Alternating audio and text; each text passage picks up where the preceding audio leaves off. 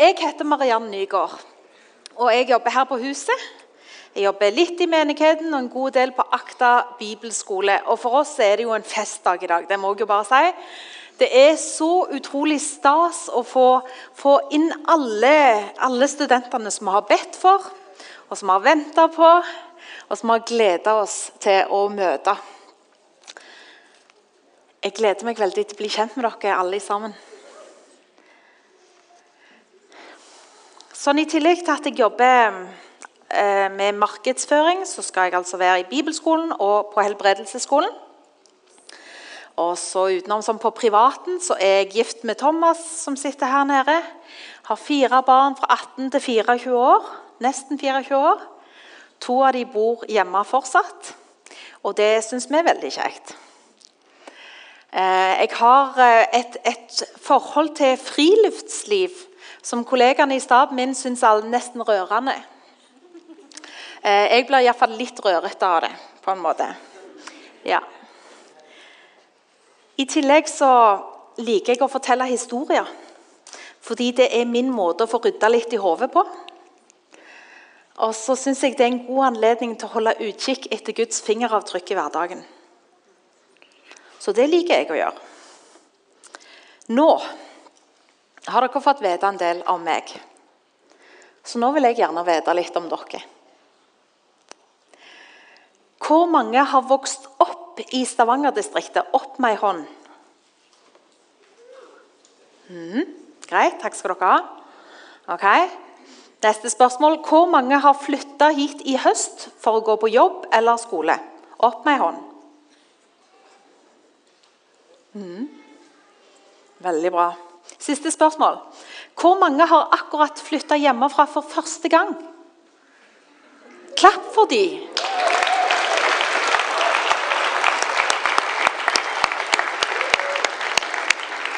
Vi syns det er så stas å ha dere her.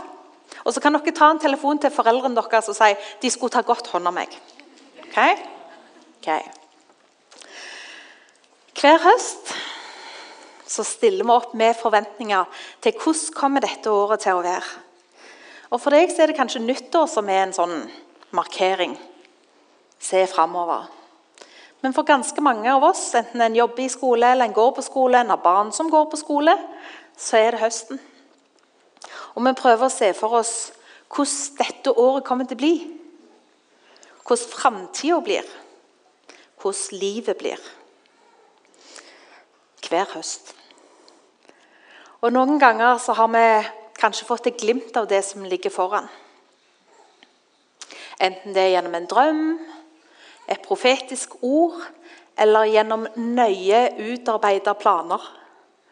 Og alt er greit. Vi skal lande i en historie i dag om en som trodde at han visste en god del om framtida si. Som hadde fått et glimt av det som var der framme og som opplevde at reisen for å komme der var helt annerledes enn det han så for seg. Selve historien finner du i første Mosebok 37 og utover. Men jeg skal oppsummere noen kapitler for deg. Så Du kan gjerne slå opp hvis du har lyst til det. henge med. Men i tillegg så oppsummerer jeg altså litt i fortellingen. Josef var sønn av Jakob. Han var da altså attpå skatten. For de som lurer på om det heter attpå klatten, så gjør det ikke det. Og jeg er yngst. Attpå skatten ble nok født en del etter de andre, må du gå ut ifra. Og Jakob, faren, han satte stor pris på denne sønnen som kom sist. Så mye at han ga han en fin kjortel, en fargerik kjortel.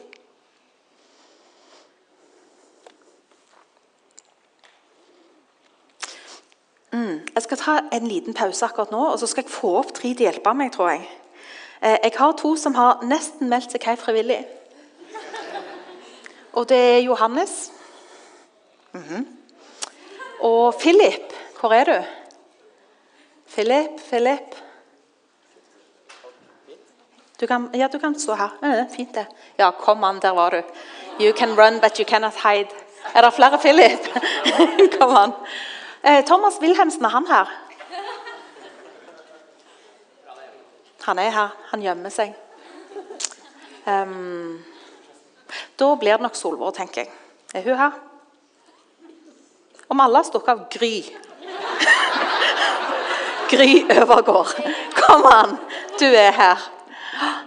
Jeg syns det var ganske fint å få bare påpekt hvem som ikke er her. Ok. Um, dere kan få lov til å sette dere ned på kanten her foreløpig. Mm. Men ikke gå langt. Egentlig, Philip, så kan du komme opp med en gang. For det har seg da sånn at Josef fikk jo en fin kjortel. Og jeg hadde ikke en fargerik kjortel å gi deg, men jeg har altså en mor som er veldig veldig fargerik. Og en del i Imi kjenner henne. Og nå har jeg altså reida loftet hennes. Og denne tror jeg passer til deg. Dette er altså unge Josef. Mm. Du kan få sette deg her. Det går greit. Mm. Med den fine, fargerike kjortelen sin. Brødrene hans syntes ikke han var veldig kul i den kjortelen. Den kjortelen der var ikke kul i det hele tatt. Det minner de om at faren hadde en eller en stor forkjærlighet for han. De syns faktisk at Josef var sånn skikkelig dra-til-tryne. Er vi søsknene hans? Nei. En bortskjemt drittunge, faktisk, syns de. Og Josef derimot, han var en sånn trygg og glad gutt som visste at han var elska. I tillegg så var han en utprega ekstrovert. Sånn at det han var opptatt av, det snakket han om. Og du må gå ut ifra at de brødrene der var rimelig lei av å høre om den kjortelen. Og når Josef i tillegg begynte å legge ut om drømmene sine, da fikk de nok. Han fortalte om hvordan de var ute på, på åkeren og bandt kornbånd. Og så sa han Mitt kornbånd sto oppreist, mens alle, deres, alle de andre kornbåndene de kom og bøyde seg for meg. Og Det høres jo uskyldig nok ut. Men dette var en familie som var vant med å ha profetiske drømmer. Og disse brødrene de skjønte med en gang hva det betydde. Å ja. Så du mener at vi alle skal bøye oss for deg? Så skal du herske over oss, liksom? Snørrvalpen. Så de hater han. Det ble ikke bedre da han kom og fortalte om neste drøm. Altså Sola og månen eh, de kom sammen med stjernene, og så bøyde de seg for meg. Og nå ble til og med Jakob sint, faren. Og Han sa du, hør hva dette her er for noe. Skal liksom meg og mor di og, og hele familien komme og bøye oss for deg? Ærlig talt. Hva du tror du er? Men det står at Jakob merka seg det som Josef sa. Så selv om han ikke skjønte hele bildet, så merka han det er noe der. Og Han gjemte det i hjertet og grunna på det. Brødrene til Josef derimot, de hadde han langt opp i halsen. Alltid fikk han rett, alt rett opp i hendene. Gullungen. De skulle jammen gi han en lærepenge. Og det varte ikke så lenge før anledningen bød seg. En dag da brødrene var ute og gjette småfe, sauer og geiter, så sendte Jakob eh, yngstemann ut for å gå til brødrene sine. Og Der kom han, da. Se for dere dette. Altså, Philip, nå må du opp og gå. Så må du gå litt fram og tilbake. Ja, Du kan gå her oppe, det er greit. Ja. Tydelig kommunikasjon er min sterke side. Så kom han, da. Sant? Eplekjekk og glad og alt sånn. Takk skal du ha. Det er fint bare å stå her. Og de ser han på avstand og tenker der kommer han. Eh, alt er så fornøyd. ikke sant vel? Og vi går her og jobber og sliter og varmer sola og Jeg klarer han ikke. Sorry. sorry. Den som bare kunne gitt han en omgang. Og så er det da sånn at Når du har en tanke og du gir den næring, så vokser den seg større. Og plutselig så tar han over.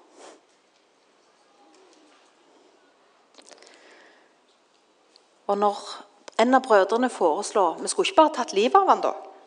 Så var han vekke, liksom. Så høres det ut som en god idé. For alle unntatt Ruben. Han sier nei, nei. Altså, Vi stapper ned i en brønn eller noe, så kan han være der. Får han seg en lærepenge. Og så tar de kjortelen av han. Jeg beklager, Philip. Ja, ja beklager. Det er greit. Kan gå ned. Så tar de av han kjortelen og så dypper de den i dyreblod. Og så tar de han med hjem til far, som sitter hjemme og venter på guttene sine. Og så sier de du, altså det kom et rovdyr. Veldig dumt, men han spiste opp lillebror.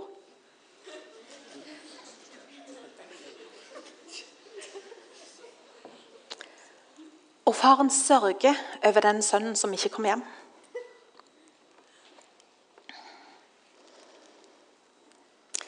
Kjortelen, som var selve symbolet på farens gunst, blir tatt fra han. Ruben, han broren som egentlig hadde litt oversvar for Josef, han stikker ut et lite ærend.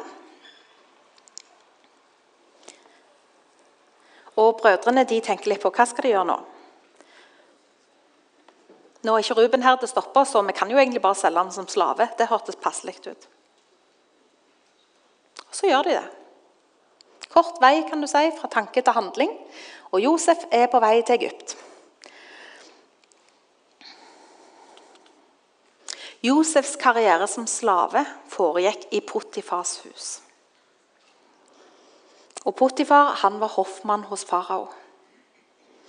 Han fulgte med på Josef og så at han var flink arbeidsom og ærlig. Og han ga Josef en privilegert stilling i sitt hus og en kappe som viste posisjonen hans. Johannes.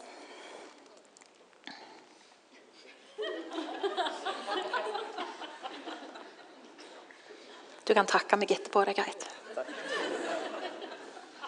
Bare stå her litt, du.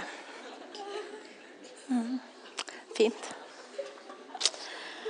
Så lenge Josef jobba for Potifar, så var Potifar sitt hus velsigna. Og det var en til som fulgte med på, på Josef. Um, og det var kona til Potifar. Og Gjennom hele min oppvekst så trodde jeg altså at kona til Potifar heter Potimor. Så Jeg skal ikke si det står feil i Bibelen, men det står ikke noe om det, så kanskje var det det hun hette, faktisk. Ok, anyway. Hun altså, hun syntes jo at Josef var veldig kjekk, og hun la han på han, og prøvde å få han til å være utro med seg. Beklager. Sorry.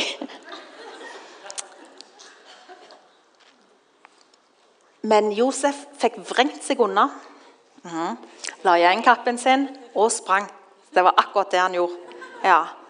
Men Pottimor vet du, hun var ikke god. Så hun sa til Pottifar vet du hva, han, han prøvde å forgripe seg på meg. Nå er det hakket før jeg får ny kappe. Han prøvde å forgripe seg på meg. Og Pottifar ble jo naturlig nok rasende. Og Josef ble kasta i fengsel. Og så er Josef da i fangenskap nok en gang. Men Guds godhet er så sterk gjennom Josef sitt liv at fengselssjefen får velvilje for Josef. Så han sier til han, du skal ikke bare styre dette fengselet, da. Og det gjør han. For Herren var med Josef. For Herren lot alt det han gjorde, lykkes for han. Dette syns jeg er rart. Josef er altså i fengsel.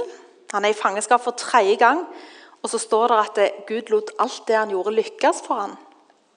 Altså Min definisjon på å lykkes er ikke å havne i fengsel.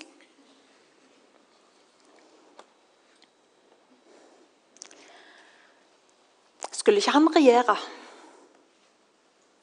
hadde ikke han et løftesord over livet sitt. Men Josef arbeider trofast der han er satt. Han venter ikke til han ser ordet bli innfridd, før han legger ned livet sitt og tjener. Han holder ikke sin overgivelse som gissel til han ser at ordet er innfridd. Og får at han får det som han har blitt lovt. Han tjener Gud og medmennesker. Og han utøser livet sitt sjøl mens det er vanskelig. Sjøl når oppfyllelsen av løftesordet syns langt vekke, så holder han ikke tilbake sin tilbedelse. Okay, tilbake til fengselet. Etter ei tid så røyk to av hoffmennene uklar med farao. og Da løste han det sånn som vi gjorde. Han heiv de i fengsel. Og En natt så drømte de begge to. Og Neste morgen så tyda Josef drømmene deres. Drømmene deres. Som han sa til hoffmennene, tydningen hører Gud til. Fortell, fortell. Så gjorde de det. Så tyda han det. Og Kort tid etterpå fikk han ene jobben tilbake hos farao. Og Han glemte aldri hva Josef hadde gjort for ham. Så da farao en natt drømte og trengte hjelp til å tyde drømmen Ta-da! Vi henter Josef fra fengselet. Og Josef hører på faraos drøm, og så ga han antydningen fra Gud. Og Med det så fulgte det en strategi for hvordan de skulle gå fram i møte med den kommende hungersnøden.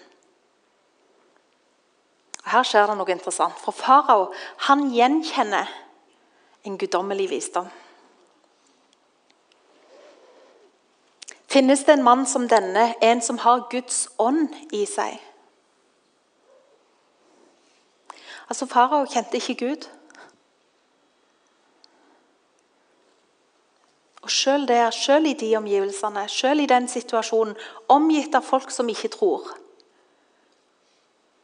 Omgitt av folk som gjerne tror noe helt annet Så gjenkjenner farao Guds ånd i Josef. Og Farao satte han til å styre over hele Egypt. Han fikk en ny kappe. Gry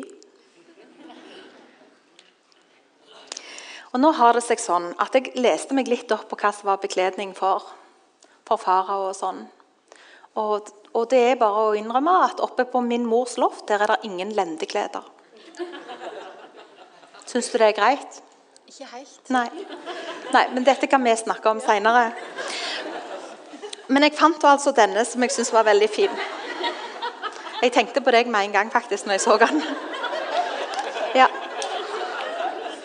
Mm. Og der hadde altså Josef fått nok en kappe for å vise hva posisjon han hadde. Det står at han fikk òg en ring og et gullkjede for å vise hva autoritet han hadde. Det har ikke jeg med til deg, Gry, men jeg syns du er pynta og fin nok som du er. Du har, ja. Ja. Du er egentlig veldig klar, du. Ja. Det er fint. Og så sa du altså farao til Josef Ingen er så forstandig og vis som du. Og plutselig så var slavegutten Josef den som regjerte i Egypt. Mm. Og farao sa du skal få kjøre den nest beste vogna mi. Ikke Ferrarien min, for den skal jeg kjøre sjøl, men Teslaen den kan du få låne. Og hele Egypt bøyde seg for Josef. Du kan få lov til å sette deg. Bare ha den kappen på, du. Jeg syns den var fin. Etter hvert så kom òg brødrene og faren fra Kanan. De sulta i sitt hjemland og hadde reist den lange veien til Egypt for å få mat. Og Jeg skal ikke lese hele den historien nå, men den kan du gjerne lese sjøl i første Mosebok 42-46. Det er en fantastisk historie, vel verdt å få med seg. Og Hvis dere lurer på hvorfor det er litt sånn ulike kvalitet på bildene på veggen, så er det, og gjerne, gjerne ser dere også at Josef ser forskjellig ut fra bilde til bilde. Og Det er bare fordi det var veldig dårlig oppløselighet på bildene på den tida.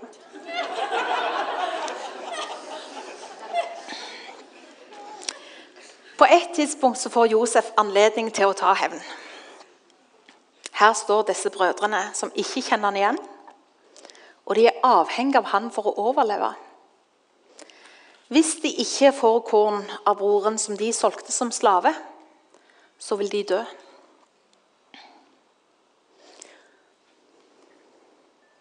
De bøyer seg for han i det de ber om nåde. Hvis de hadde kjent han igjen, tror du da de ville ha oppsøkt han? Bøyd seg for han? Bedt han om hjelp? Hva skulle de ha sagt? Ja, vi vet vi forlot deg i brønnen. Eller vi vet at vi solgte deg som slave. Vi vet at det, vi har sagt til far vår at du er død, og vi har behandla deg deretter. Men kan du være snill gi oss korn? Vet du, Jeg tror nesten at redningen var at de ikke kjente han igjen. Og Nå står de da altså foran regenten av Egypt og ber om hjelp for å overleve. Og deres kornbånd bøyer seg for hans kornbånd. Og Etter hvert så kommer også faren til Egypt. Og hele familien bøyer seg for Josef. Sol og måne og stjerner. Og På samme måte som brødrene tok avgjørelser som la føringer for Josef sitt liv og hans framtid, så er det nå Josef som holder deres skjebne i sine hender. Nå kan han endelig få rettferdighet. Og Det høres jo nesten bibelsk ut, gjør det ikke det? Å få rettferdighet. Nesten. Så viser han nåde. Han gjør ikke mot dem sånn som de fortjener. Det er ikke deres handlinger som avgjør hva Josef gjør. For Josef handler ut ifra sin sanne identitet som sønn som utvalgt og som leder. Gryne, skal du få lov til å ta av deg kappen din. Takk skal dere ha. Det var ikke den fargerike kappen som avgjorde hvem Josef var. Han var den som Gud sa han var. Han var sønn, med eller uten kappe. Det var ikke tjenerkappen i Potifars hus som avgjorde hvem Josef var. Han var den Gud sa han var. Utvalgt. Satt akkurat der han skulle være. Det var ikke linkappen, den posisjonen som farao hadde gitt han, som avgjorde hvem Josef var. Han var den Gud sa han var. Leder. Satt og lede i kraft av Guds nåde og det beste for folket.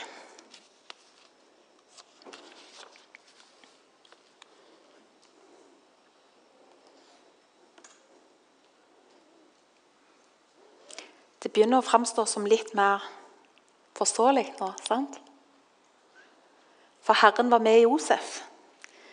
For Herren lot alt det han gjorde, lykkes for ham. Tro om det var sånn Josef følte seg.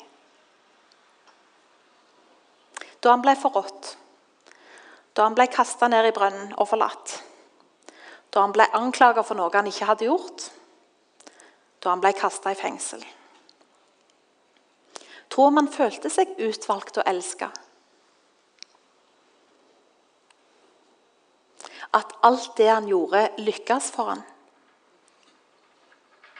Og Like fullt så var det det som var sannheten om Josef. Han var ikke den som erfaringene, omstendighetene eller anklagene tilsa at han var. Han var den Gud sa han var. Den som skulle vise godhet og nåde som ikke møtte anklager med sinne eller urettferdighet med straff. Men den som holdt fast ved sin identitet, uavhengig om han var i et palass eller i et fangehold. Fordi Josef levde i sin sanne identitet uansett omstendigheter, så kunne Gud bruke sjøl det som fienden hadde planlagt for hans undergang, til å føre han inn i det som han hadde kalt han til. Og Josef holdt fast ved sin identitet uansett hva følelsene hans tilsa. Han visste hvem han var. Han satt ikke passivt og venta på at ordet over livet hans skulle innfris. Men han levde i sin gudgitte identitet hver eneste dag. I brønnen. Hos Potifar. Som regent i Egypt. Vet du hva navnet Josef betyr?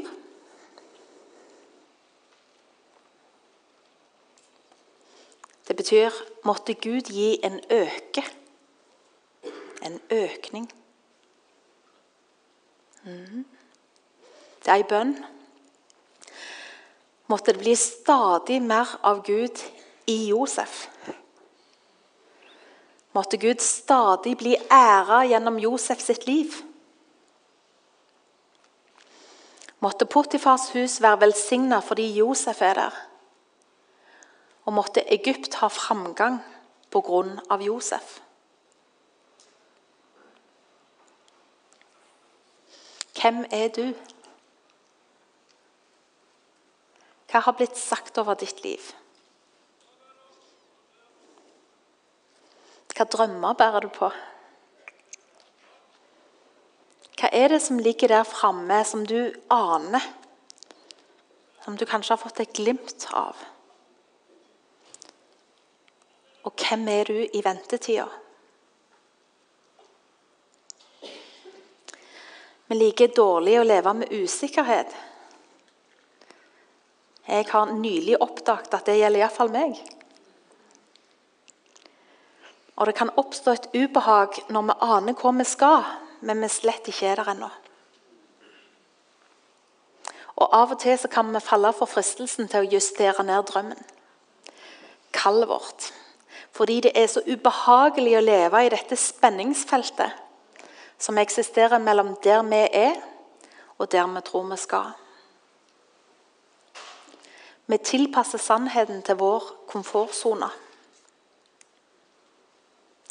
Hvis jeg fortsatt er syk etter å ha blitt bedt for, så kan jeg f.eks. konkludere med å si Gud, det viser bare Gud helbreder ikke lenger. Jeg ble bedt for, jeg er syk, ergo så helbreder ikke Gud lenger.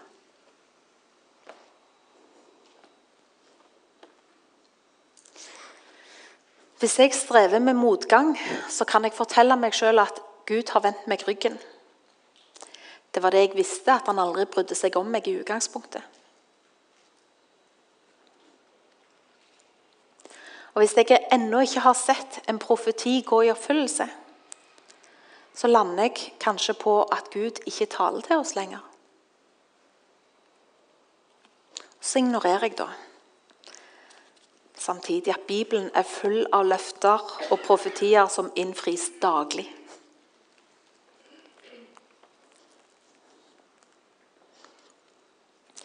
Hvis jeg ikke vet hvem jeg er, så kan jeg fristes til å tro det som andre sier om meg. Men det forandrer ikke hvem jeg er, og det forandrer ikke hvem du er. Du er et elska og et ønska barn av Gud. Du er arving, du er utvalgt, og det er du uavhengig av omstendigheter. Det er fint å ha et mål og vite hvor en går. Selv når veien legges til steder som du ikke hadde tenkt å besøke. Du må huske å holde blikket festet på der du skal, samtidig som du er til stede i øyeblikket. Og det er langt vanskeligere enn det det høres ut. Men få med deg det som du har å lære her og nå, sånn at du står bedre rusta til det som er der framme. Jeg tror faktisk at Gud er mindre opptatt av målet ditt enn av reisen for å komme der. For den prosessen, den reisen, det er ikke bare et middel. Men det er der læring, vekst og velsignelse skjer.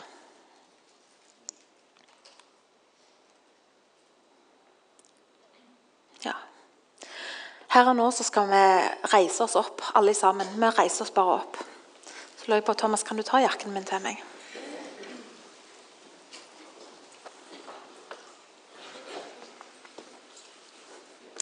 Hvis du har en ytterjakke med deg, så vil jeg at du skal holde den i hånda di.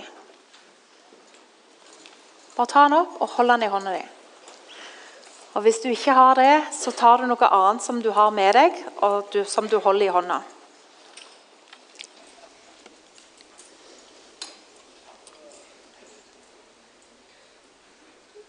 Så er det noen som tar av seg genserne sine. Det syns jeg er veldig fint. Tar du av deg brillene dine, så kan du i stedet for å holde dem i hånda, så kan du Ja, du kan ja, mm, Bare hold dem i hånda foreløpig. Vi skal si det sånn. Mm. Men hvis Gud minner deg om noe som du skal få legge fra deg, en identitet som ikke er din, noe som du skal få slippe å bære lenger, så skal du få legge jakken din ned som et symbol på at dette skal ikke lenger være med meg. Jeg legger ned det som en gang var viktig for meg, det som ble pålagt meg. Det som har plaga meg, men som jeg nå ikke skal bære lenger. Etter hvert så skal du få legge ned jakken din hvis du er klar for å gjøre det. Har du brillene der så du holder i hånda, så kan du legge dem på setet bak deg. Du kan få lukke øynene dine. Hva er det som er din kappe, som du bærer med deg? Er det den fargerike kappen? Det som ble sagt over deg i kjærlighet, men som har vist seg så utrolig vanskelig å leve opp til. Er det Potifars kappe? Den som du fikk i fangenskap? Det som har blitt sagt om deg, men som ikke er sant? De falske anklagene? Og det som du har brukt så utrolig mye krefter på å motbevise? Er det faraos kappe. Den kappen som du har i kraft av posisjonen din eller tjenesten din. Den som du har påtatt deg sjøl, eller kanskje til og med forma sjøl, men som nå oppleves som ei tvangstrøye. De rutinene og tankemønstrene som var hensiktsmessige på et tidligere tidspunkt, men som nå ikke lenger er det.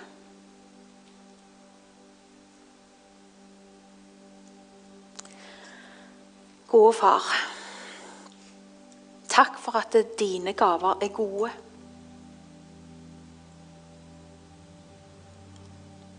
Nå legger vi ned disse kappene som vi har holdt fast på fordi de var kjente, trygge, hensiktsmessige.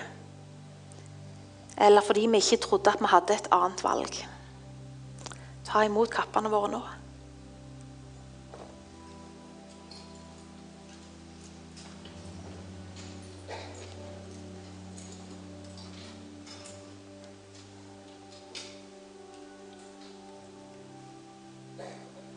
Bekjenner at vår sanne identitet er at vi er dine barn som du elsker. Takk for at du ga din sønn for at vi skulle få bli arvinger til himmelen. Og takk for at din Hellige Ånd går med oss hver eneste dag.